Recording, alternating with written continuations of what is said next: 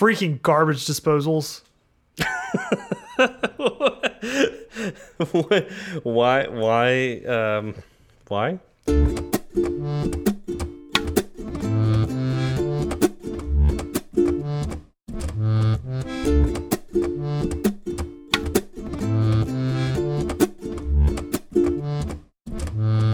Hi, I'm Steve. And I'm Zach, and this is Fireside Swift. How's it going, Zach? It's going pretty well. How about yourself? Busy, to say the least. that that sums up, I think, everybody's life right about now. Um, I haven't talked to anybody who is just, you know, oh, I'm not doing much. I'm just kind of kicking it. Uh, I've got a major project that's due in the middle of February, and uh, I'm really excited about it. Like, I, this is I'm I'm more alive than I've been in a while, but I'm also like alive in the terms of like interest and what I'm doing, and like I'm really into the code. But if you talk to me, I probably sound like a zombie.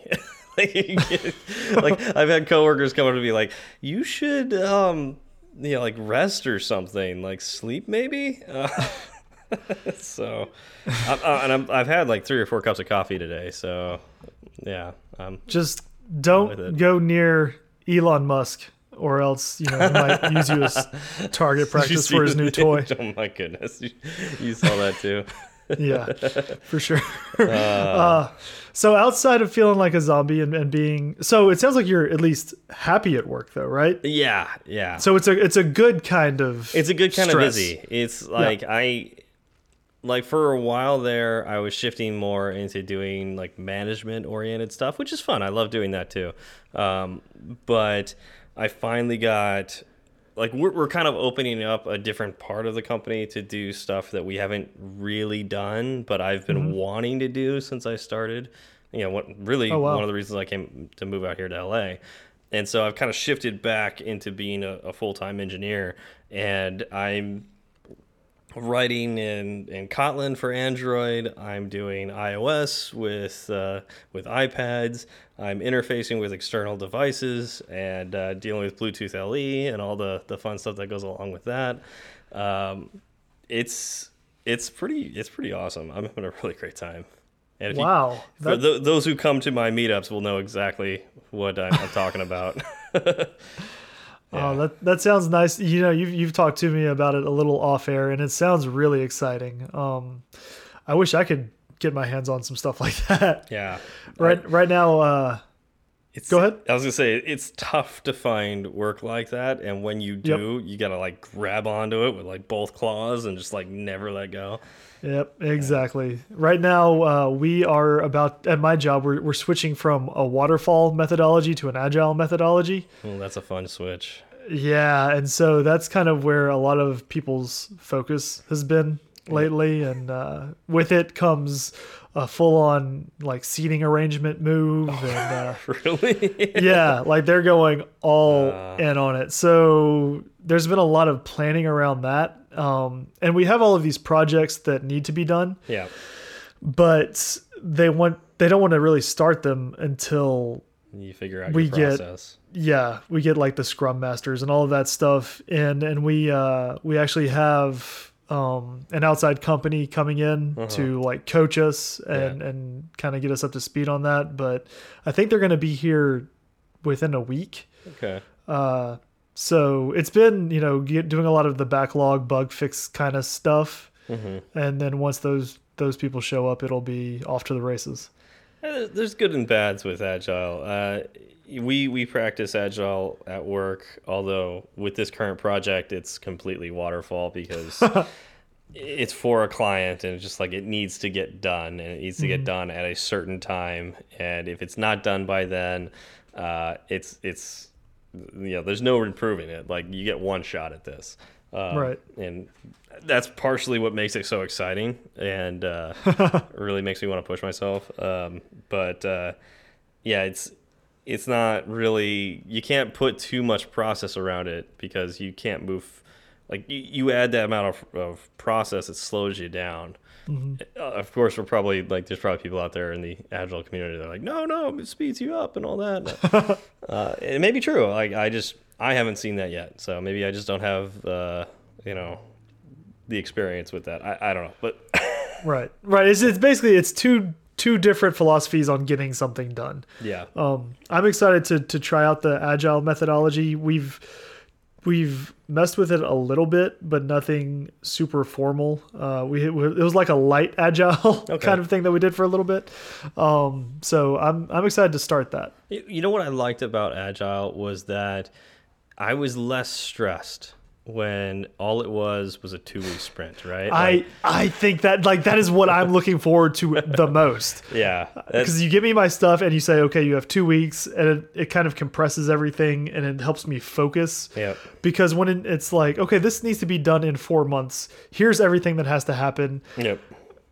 Uh, okay, I can, you know, and I break it down and I do it, but it's a lot easier to lose track of where you want to be, Yeah. uh, being, you know, as as just large as that kind of task is. Yeah, or, Right. or like the world I live in because I work for a startup. Here's four months four months worth of work. You have a month to do it, and, and you don't get a second try at it. So Yes. you know, make sure you build tools and and backup stuff so you can you can handle things that go wrong. Yep. so yeah, that's that's basically been been uh, my week. All right, yeah, that sounds fun. And uh, over the past week, we've heard from a couple people. Yeah, so apparently there were some questions about uh, some of the stuff we talked about with object oriented programming. So Mm-hmm. Yep.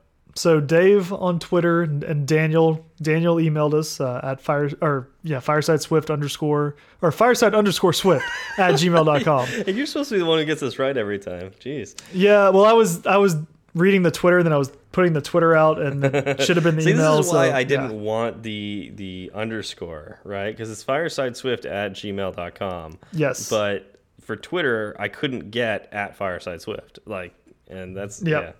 So yeah, no, it, it just that tripped me up. Yep. Anyways. So yeah. Anyway, he emailed us at firesideswift at gmail.com. Uh, uh, and so he asked a couple questions. The first was about polymorphism. And he said, you know, if I have two ob- objects that uh, adopt the same protocol, couldn't I write a function that can take in an, any object that adopted that protocol?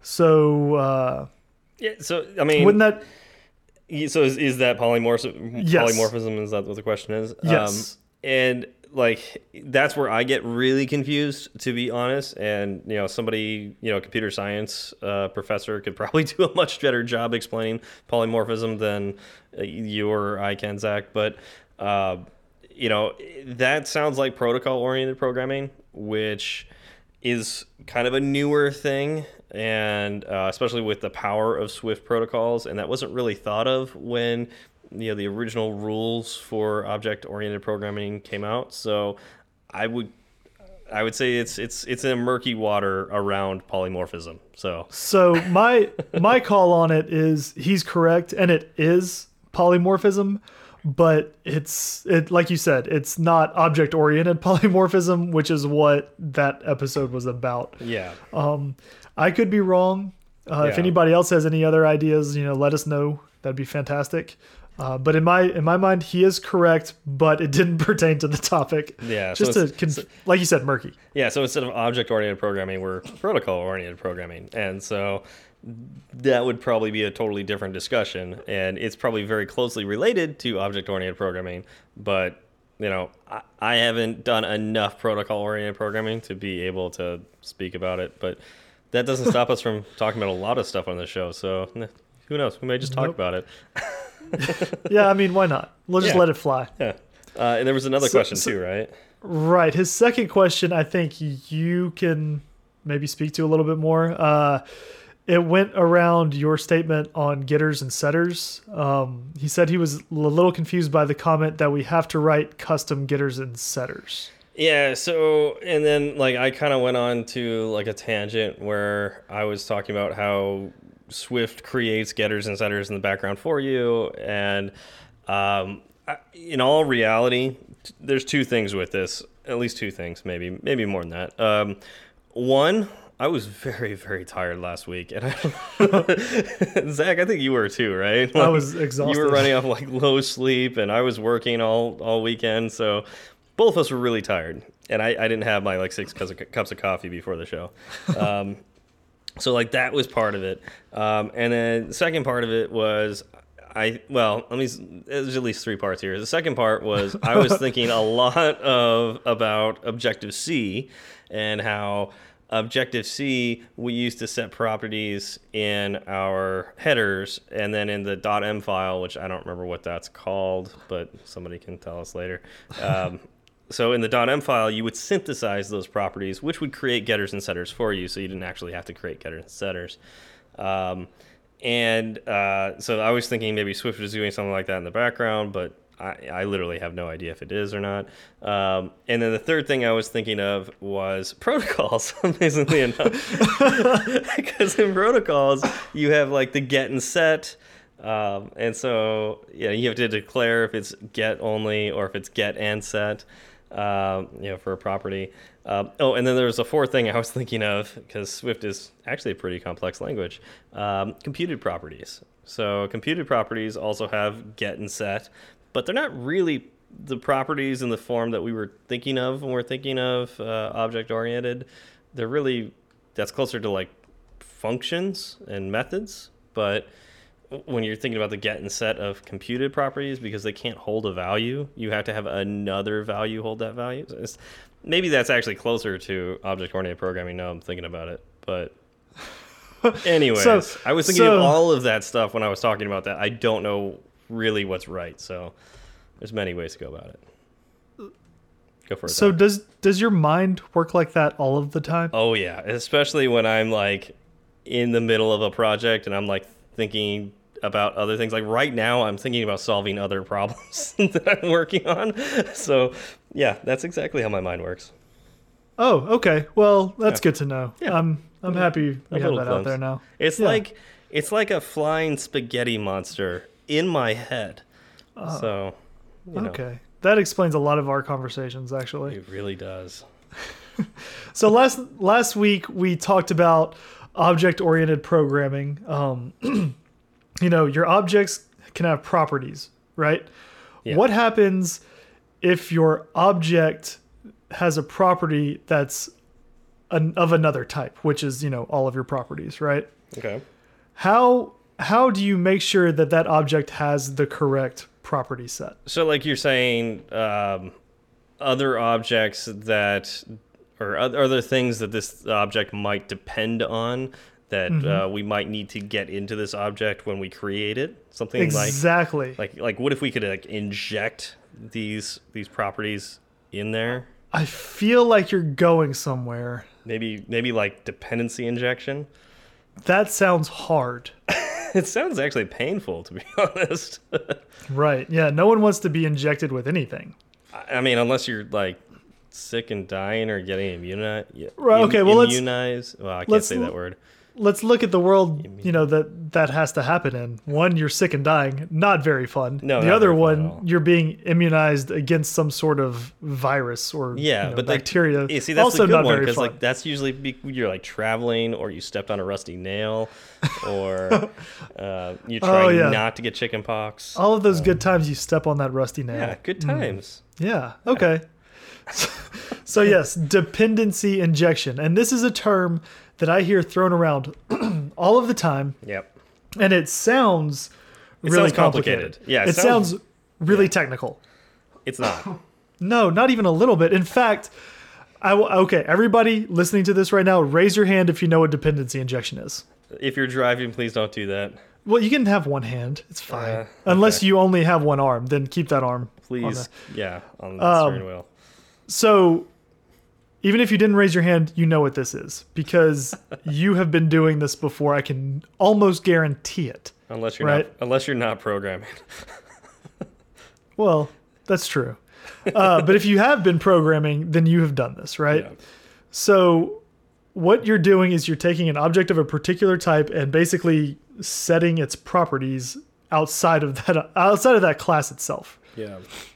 So like think about every time let's let's take an example like a common example I, I know i like going to ui view controllers because that's a very very common object that we we use in ios programming and let's take even like the most common thing. We got a segue between two view controllers, and the second view controller depends on the the first view controller. Like let's say it's um, the contacts. You know, you're you're you got a list of contacts. You select one contact. The next view controller that shows up is going to show you information about that contact, but it can't do that unless it knows which contact you selected.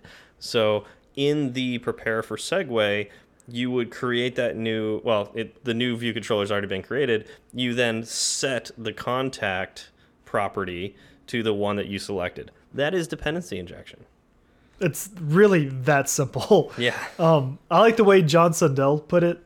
Uh, he put it much more eloquently than I did. He said, It's the idea that everything an object needs in order to do its work should be passed in from the outside. yep that's exactly it very well put Yeah.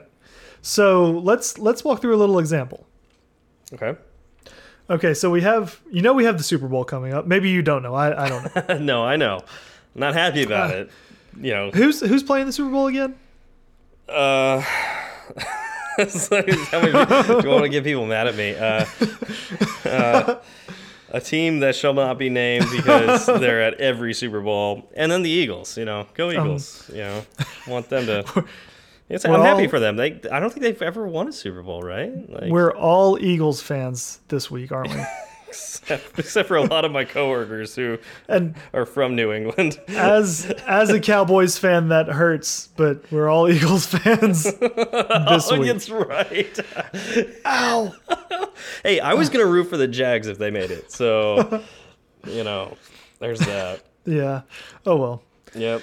So um, let's let's walk through an example. Let's say we have a class named Super Bowl. Okay. right? This Super Bowl class has a class or has a property uh, called halftime performer, and it's of type musician. Okay. I mean, that's debatable. But Well- in the past, at least, it's been debatable. Yeah, yeah. Well, well for this example, we are going to say type musician. Okay. All right. So you have two ways to instantiate that halftime performer property. Okay. One is uh, very straightforward, and you just every time a Super Bowl instance is created, um, you also create that uh, halftime performer property. Uh, you create the musician alongside the Super Bowl instance, right? So Super Bowl instance is created, and then inside you have uh, var halftime performer of type performer equals musician, right? Yeah, and I I could see this as a really like it- there's a really common pattern with this. Like you may think this doesn't work for you because you want to know what the musician is and all that, but like imagine if you had singletons. And a lot of people work, especially beginners, will work with singletons. Um, I personally use singletons from time to time because they make my life easier. And uh, this is one of the ways to get into the trap to not be able to test anything is by having a singleton that you use to instantiate properties of an object, um, you know, as dependencies. Uh, that because of that, now if you well, we'll get to this, but like it really prevents you from being able to test things. Um, and so this is actually really, really common to do some do this, but we'll get into why you shouldn't. But yeah, so this is not dependency injection. This no, is, no. This you- is yeah. well, yeah. Is there a name for this? Is this Uh, the opposite of dependency injection. Um, dependency spaghetti, spaghetti code? ejection, dependency, Spaghetti code. dependency rejection. rejection? I love it. Dependency rejection. You're rejecting That's perfect. dependencies. So now, because your Super Bowl class is creating a musician object inside of itself, it not only knows what a musician is, but it uh, knows how to create one, which is what I just said. Yeah. Uh, and anyway, that's that's bad news. You don't want that to happen. Yeah, and we'll talk about why you don't want that to happen.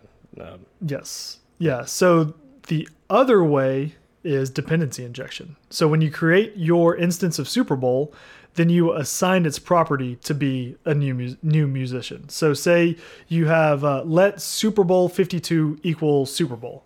So there's your, there's your Super Bowl instance. Uh, then you say Super Bowl 52 dot halftime performer equals musician.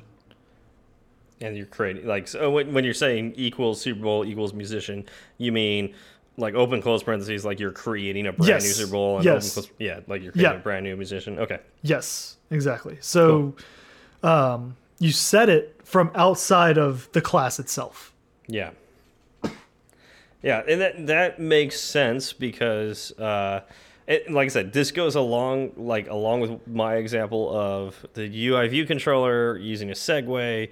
You the segue like prepare for a segue will let you know what that view controller is, and then you set its properties within that method. And so that's from outside. You are setting those properties. So same thing here. Mm-hmm. okay. There's another way to do that though, right? What at least- would at that? one other way, right? There's there's uh, at least one other way. Um, there may be more. If anybody else knows more than than these two ways of of initializing it, uh, let us know. Um, so the other way would be initializer injection. Yeah, this is I like this way better than the property injection that uh, we were just talking about. I do as well, um, and it's the one that you see more often. Do you? I do. I, I think I think this is um, more common. It also it's it's cleaner code, um, and you also know when something's wrong. Well, okay, so here's here's why I would question that, um, and maybe it's just my experience with iOS programming, but because it's it's difficult to actually create a custom initializer for a UI view controller. And a UI view controller is like really the one of the core foundation objects we use all the time in iOS programming. And because you cannot create that, well, I mean, you can. You can create a custom initializer. Um, it just takes a little bit of work. Um, if you don't know how to do that, I'd say it's way more common to see property injection than initializer injection. And uh, especially with a lot of the uh, the new stuff that Apple's coming out with, with segues and storyboards and things like that. Uh, so I would I would argue that it is more popular to see property injection than custom initializers and using initializer injection. I will say it's probably more popular when dealing with UI view controllers. Yes. Um, but I still feel like if it's any other type of object, uh, for the most part, you see initializer injection, which we also haven't defined yet. So maybe we should. yeah, go for it. So um, this is when you have you know your init function in an object, uh, and then you pass in whatever you want uh, that object's properties to equal. So you know you have Super Bowl, uh, and it has an init function that takes in an object of type musician. Yeah.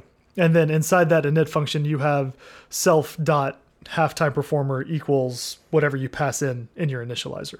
Yeah, I, I I think just because of the way Swift works and how easy they've made they've made the language such that doing custom initializers is really simple to think about.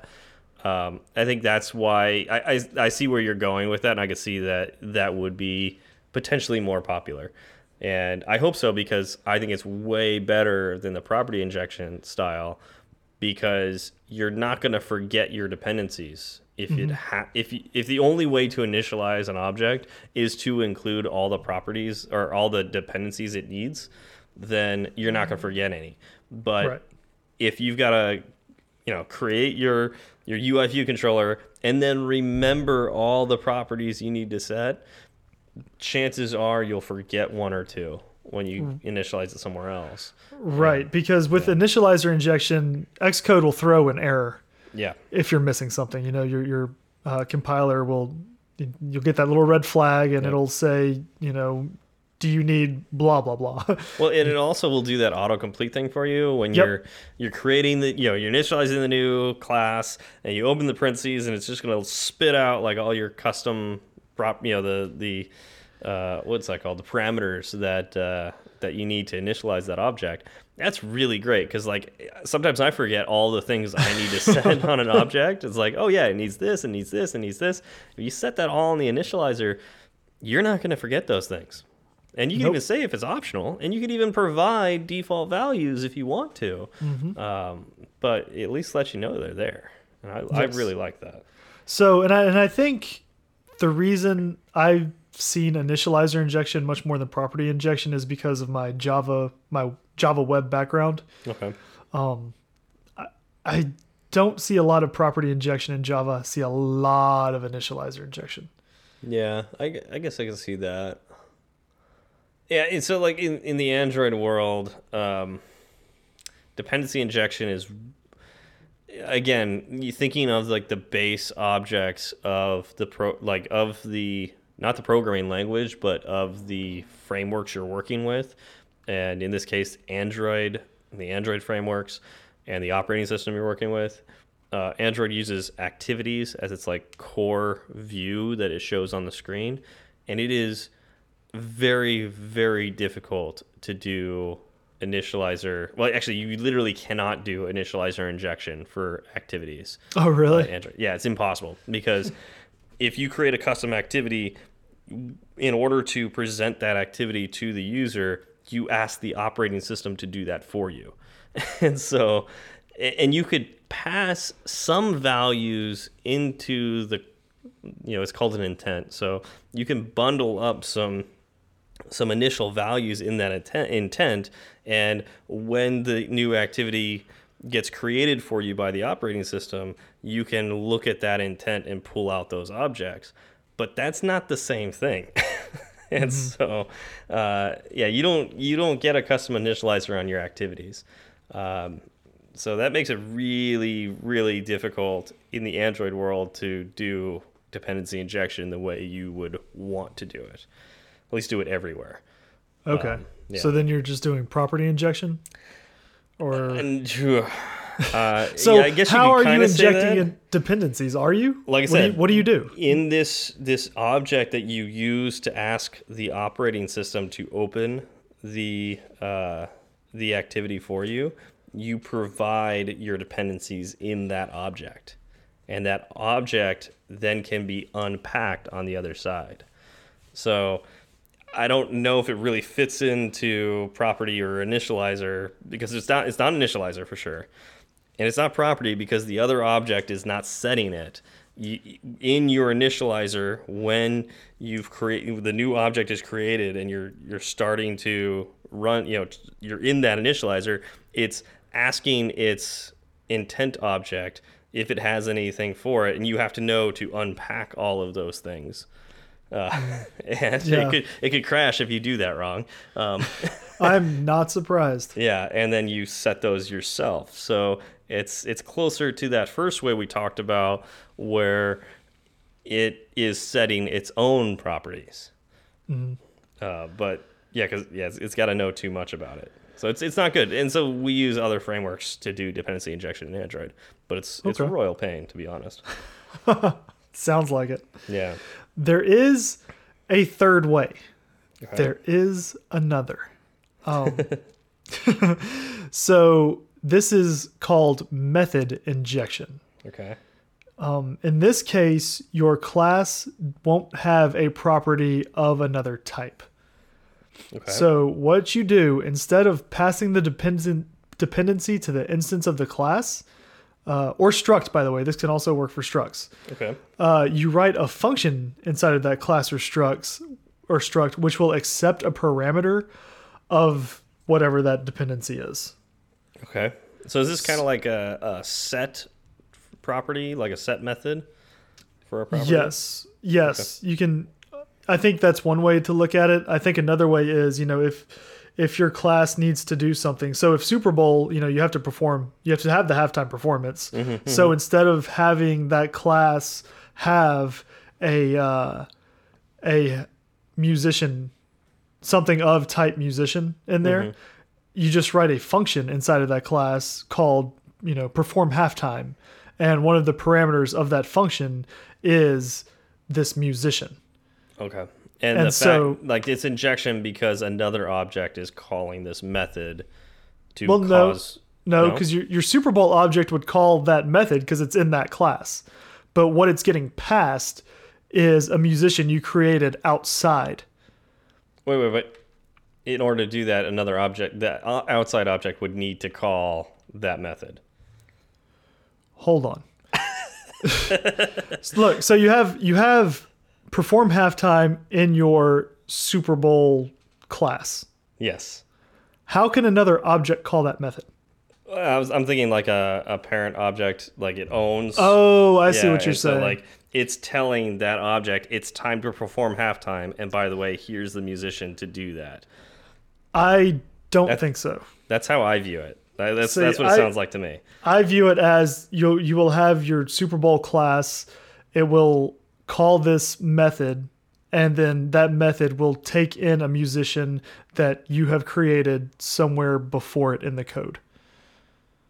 That seems strange to me, but I mean th- that could that could very well be. And and let's let's throw this out to our listeners. Um, if any of you really understand method injection uh, and have like an example for us, love to see it because uh, I don't. I, I think I've done this, but I'm not really sure. Um, and to be honest, we don't we don't, we definitely don't know everything. So No, that's been abundantly clear I over the past couple yeah, of weeks. so I'd love instead of like going down a dark path that like we know what we're talking about. We don't necessarily know what we're talking about. So um, yeah, if uh, if somebody actually knows and would love to like to let us know, and then as we are wont to do in this show, we will talk about it at the beginning of the next show, and you know we'll, we'll talk about what we get wrong. Yeah, Yep, we're, we're not like- afraid to be wrong.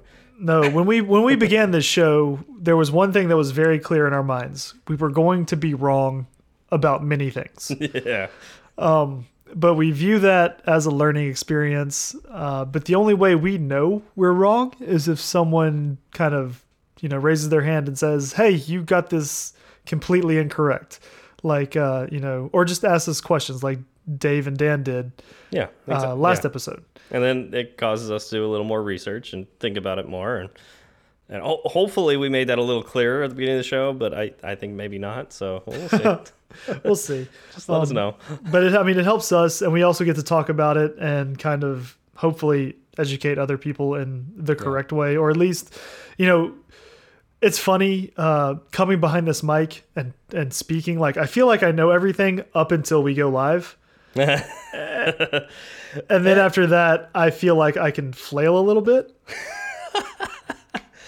yeah, possibly yeah yeah Um, you know, it's just it's just part of the part of the process. yeah Um, it's yeah and and, you know i think that's one of the cool things about this uh, experience really that we get to do is um and hopefully for you listeners too you enjoy it as well you get to hear us learn um so uh, whether you like that or not, um, you know, we, we I feel like we've been learning as we've been doing this show, uh, and so you get to come along with that journey with us. So, yeah, Yep.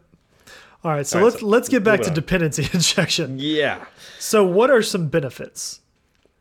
Um, I mean, one of the major benefits is uh, decoupling, right? Mm-hmm. Like, uh, this makes it so uh, you literally can have this object set apart. You know exactly what needs to be injected in it to do what it's supposed to do. So you can move it around. You could use it for other projects. You can, yeah, it, it makes it really decoupled. You don't like it it has it knows every like it, it tells you what it needs to live i guess it's Exactly. or to do its job Yep. I love modular code. Yeah. I love I love modular anything because it means that if something breaks, it's so much easier to fix it. that's true It just stands on its own. plus i'm kind of lazy and i prefer to be able to write something one place and be able to reuse it over and over again um, so you know that's why i like modular code So there are benefits everywhere. yeah I think it leads to a better understanding of the objects you're using uh, with dependency injection. So like like I said, think about you know the initializing initializer injection. yeah You're creating that object.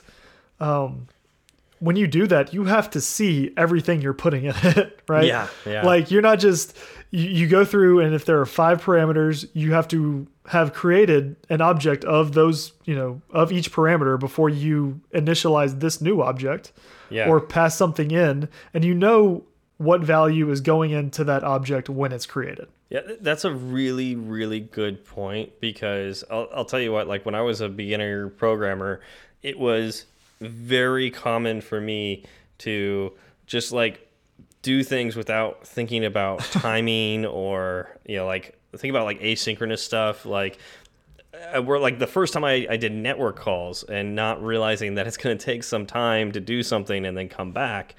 Uh, so just like thinking about when objects are available and when they would have value and to be able to do the next thing that you want to do. Mm -hmm. um, yeah, I think that's a very, very good point. Okay. Yep. Um, another really important benefit to this is um, it makes testing possible. I won't even say it's e easier to test. It makes testing possible. Uh, without this, there's really not much testing you can do, uh, unless you want to do just uh, UI testing, um, which is yeah is a form of testing. You know, like and, and Apple provides UI tests and uh, the whole framework for that. But you're and, and, there's also the QA process. So if you literally have a person and, and tapping on buttons, that is a form of testing. Uh, you could do that too. But if you want to do unit testing, and really get down and, and dirty with every single one of your classes and make sure they do what they're supposed to do, you really need dependency injection because you you don't want to uh, like here here's an example that's really really common for beginners and I would include myself in this. This is what I used to do all the time. You've got a couple singletons you know maybe maybe two or three singletons that you rely on for your state for the entire app um, if you wanted to do unit testing on your classes, you would have to set up those singletons to have the exact state of the app at the time that you want this thing to happen within this object or you know yeah within this class mm -hmm. and in order to test the one function that you want to do and you'd have to change those singletons in order for the a different result to come out of that function that's right. not good unit testing at all. Um, that seems it, like it'd be a little rough. Yeah. Yeah, it, it's uh, pretty much a nightmare to to work with. You really can't do that. Um, and so it, there's ways of injecting singletons into objects. So you can actually still have singletons, but inject it as a dependency into your objects. And that allows you to create uh, like a mock singleton um, or yeah, it's like mocks and um, oh, what's the other word? Uh, oh, I can't think of the other word, but like there, there's other things you could do where you could make fake versions of these pseudo objects. singleton. Yeah, that's not right, but like yeah, Dang mocks it. and the other things that you do in testing. Um, this allows you to do that. So it looks, mm. lets you create fake versions of your objects so you don't have to like think about all the state and like set set things up the way you want them to be for that class to do the things that you expect it to do during those tests. Mm -hmm. Okay. Yeah. That that makes sense. Really um, need this. yeah. So I think if there is a downside to this, it's that if your class or struct has a lot of dependencies, uh, setting each of them can be a hard task, right? Yeah, but they're dependencies, so you need to have them anyways, right? Right, right. It's true. It's true, but it can be a pain just to write all of that code out on well, one line. Like, like, if you're doing initializer yeah. injection, yeah, and it has, I'm gonna just go, you know, out there like 50 dependencies. Yeah. Well, and and like if if you're managing state, like this is really a common thing to do with the singleton thing, you know, you don't want to like to speed yourself up. You're like, okay, well, the user has logged in, the user hasn't logged in, and here's the database. It's right here, and it, you can access all of them from the singleton. You don't have to pass that value between every object. It can be tedious to provide that link from the very first object that creates the singleton you know your state object. Doesn't even have to be a singleton. It could be just a state object that you pass around. Um, it, it it takes a lot of thinking and a lot of prep work to pass that through every single object, and that could that can get overwhelming. Yeah. So John Sundell, uh, uh, in my research for this this podcast, he wrote an article about uh, about a factory pattern that will help with this kind of dependency injection. Okay. I read through the article. Um, I think I kind of kind of understood it, but trying to explain it on air uh, would have caused more confusion than anything else. Um, we are going to link that article in the show notes. If anyone else wants to read it, and if they want to let me know, you know exactly what is going on there, I would be super grateful for it. Yeah, and that's interesting because you don't see the factory architecture. Was it arc? No, factory pattern. You Yeah, don't see the factory pattern that often in iOS development. Um, I see it a lot, a lot, a lot in Android. Like the factory pattern is used a ton in Android. Um, I don't see it much in iOS. I'm not really sure why, but it's it's a good pattern. I like it. It is good. So, all right, I have one question for you that may lead to more questions. Don't So-? Dependency injection frameworks exist. Uh, you said you used one earlier. Can you go into any more detail? Um, so I- I don't use any dependency injection frameworks for iOS. Uh, Okay. So I, I don't, I can't, at least I can't think of any that I have used uh, or intend to use in the future. Um, but on Android, in order to do dependency injection, um, at my company, we use uh, Dagger 2 to do dependency injection.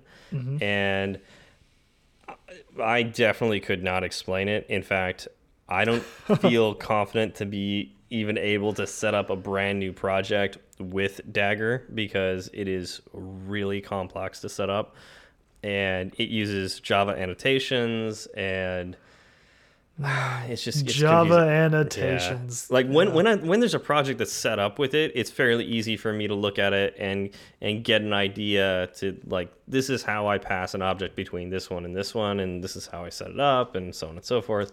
And it's it's pretty neat when you get it going, um, but I just don't. I, I've done it before, but I just I don't feel confident in setting one of those up again. And like I could like for a lot of projects I could do a lot of things just without even referring to tutorials or anything like that. This is one of the things that like I would need several tutorials. I would need to be reading it and following it step by step in order to create like the beginning of a project that uses it because it's so complex. Um, All right. so yeah, in iOS, I typically try to use uh, no frameworks. Obviously, I mentioned that. Um, I try to do as much um, initializing or initializer injection as possible, uh, including all my UI view controllers, which is a little complex. Um, so I just want to kind of mention real quick for those of you who are interested in doing this. Um, there are tutorials out there, so you can find them. They're a little hard to find though, so uh, keep that in mind. Uh, things to think about when you're doing a custom initializer on a UI view controller.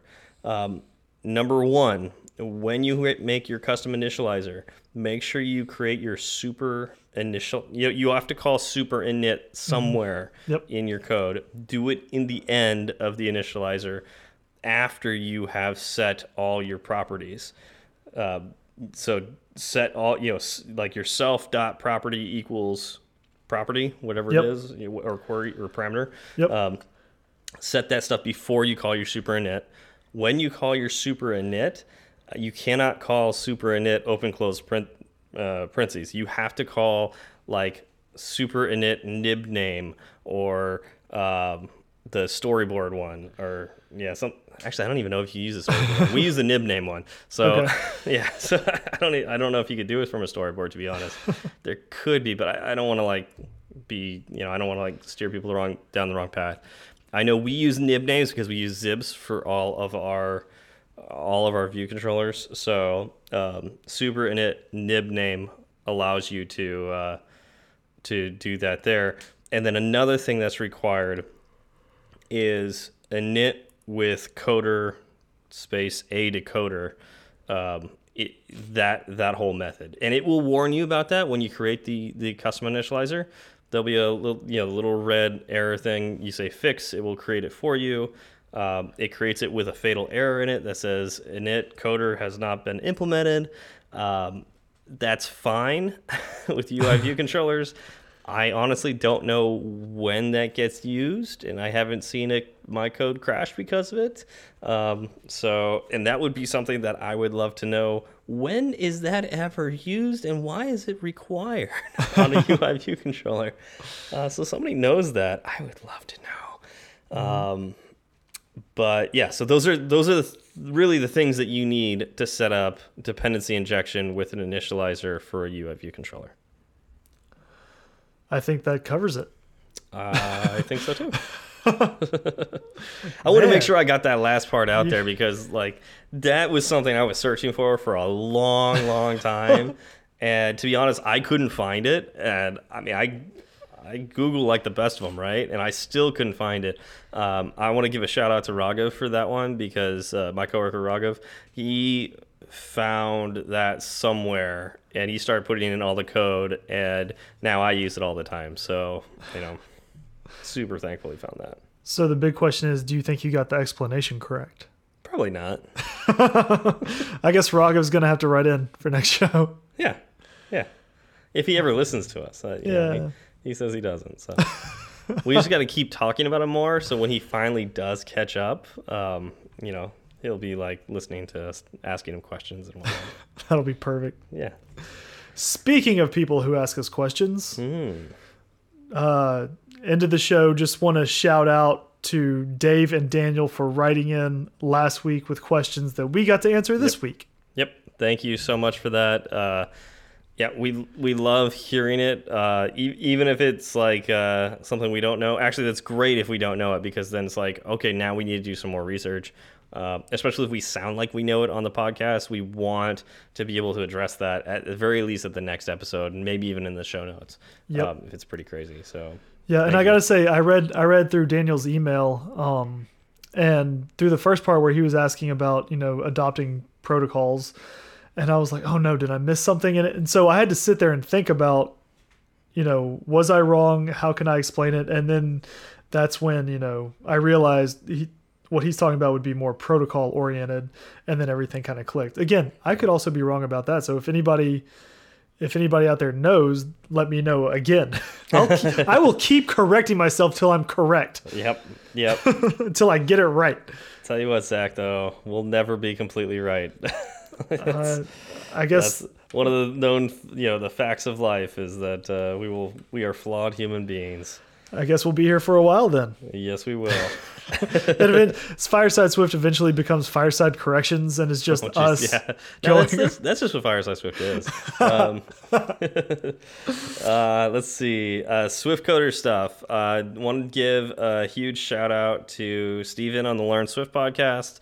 Uh, Stephen Sherry has a new baby girl. Little Fiona. Yes, congratulations from both of us. Yeah, congrats, dude.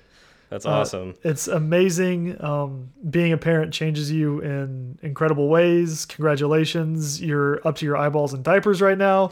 Um, I understand you're getting zero sleep. I also get that. That never really changes. um, but congratulations. It's absolutely amazing. And it's the most fantastic thing ever. Yeah, that that is awesome. So, all right. Uh, do we have any other Swift Coder stuff to talk about? Um, uh, Garrick no, hasn't just, started his new season yet, right? Just waiting on Garrick. Uh, waiting on Garrick. Okay. cool. Um, well, uh, how do we get a hold of you, Zach, if uh, we've got all these questions about this episode that we didn't explain properly? well, uh, the first place would be Twitter. My handle is at zfalgout1. That is at z f is in Frank a l g o u t and the number one. Um, how about yourself?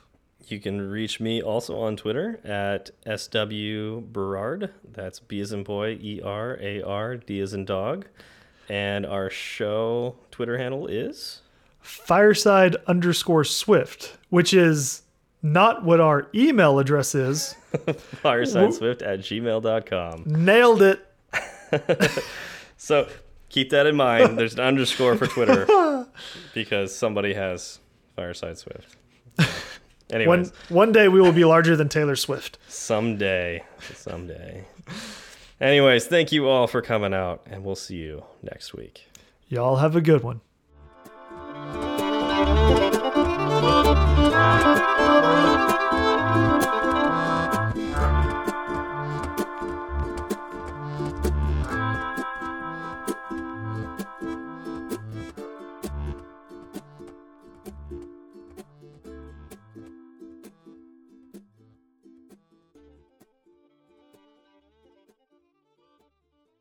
I think, yeah, I can find this. Like some zoo, like monkeys got out, like dangerous monkeys, like orangutans. They're only dangerous if they're not sedated. Yeah, these were not sedated. Uh, then those would be- Zoo, par- baboons. Okay, so it was the second one I thought of. Baboons are like the psycho killers of Yeah. the animal world. Fif- 50 of them got out. 52. 52. Like while the zoo was like open. So like very very dangerous. Very very dangerous. What zoo has 52 baboons on hand?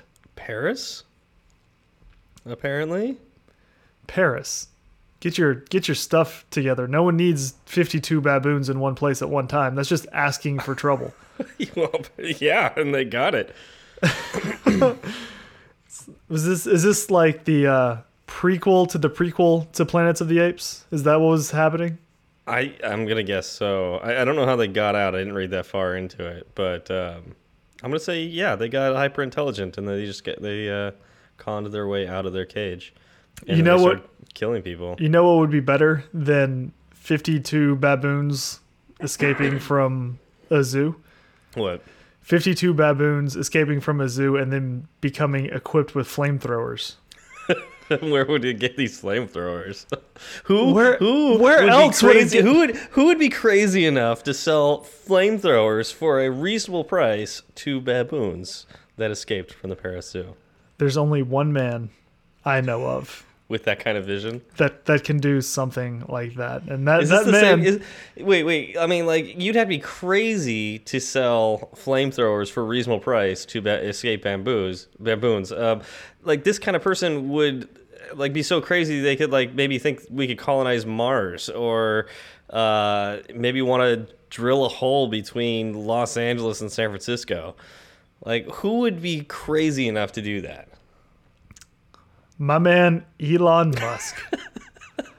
I mean, the the guy, you know, he knows what he wants, and he just makes it happen. Send to people to this- Mars. Let's build some rockets. You know what sounds great? Selling just flamethrowers to the masses. So everything up until now seemed fairly reasonable, but when I saw this flamethrower thing, I thought it was a joke. But apparently, he's actually taking orders for these things, and Yeah, that's- actually that's what I saw these too. things. Right. Somebody's going wouldn't to you, though? kill themselves or burn a house down or something, and it's going to come right back to him. Oh, ye He's of little get faith. Sued. He's going to get sued up the wazoo because of this. Do you think you have to the- sign anything if they actually if they actually sold these? Do you think you would have to sign a waiver upon Oh, I think yeah. There's yeah. I think there's serious waivers you have to sign, but that like still, uh, I'm pretty sure that's still not going to work. Like it, it's just I'm it's pretty so sure much bad press for him. it's the best thing I've ever seen. And the tweets he sent out to announce it, gold. Uh, it makes me want to be Elon Musk even more. Yeah, like I, I remember seeing one where it had a video. I was like, I, I couldn't resist. I had to watch the video. Yep. And he starts it up, and then like comes at the camera. Yes, he the- does. Like even he, even we can't trust the flamethrower with him. like he's about to burn his employees to the ground. Like not a good idea. Not a, well. He says that. Obviously, a flamethrower is a super terrible idea. Definitely don't buy one. That was a tweet sent out at 1026, and the tweet sent out at what was it like 1027? It was like unless you like fun or something. Like an optional uh, additional purchase, like you know, an upcharge on these things is a, a, a fire extinguisher. that I mean, if I you're gonna like thirty if, bucks. if you're gonna sell the flamethrower, might as well sell the fire extinguisher along with it, right? yeah, I think I think they just like slapped a sticker on it. Is what they said. it's just like, oh god. I mean, reading through the tweets, when the zombie apocalypse happens, you'll be glad you bought a flamethrower. Works against hordes of, Okay, of the undead right, or that- your that- money back. All, in all honesty, I wouldn't want that flamethrower. That flamethrower had like the tiniest flame compared to like a like a real flamethrower. It was Yes. like more of a glorified lighter, but still. It, and no, and that's that's what it reminded me of too. Like one of those butane lighters that like has the crazy flame shooting out the end. yeah. But that's what makes it legal, which is kind of what worries me. oh my god, yeah. Well, I mean, yeah. I wonder where the legality goes. I think it's illegal to buy it in Australia.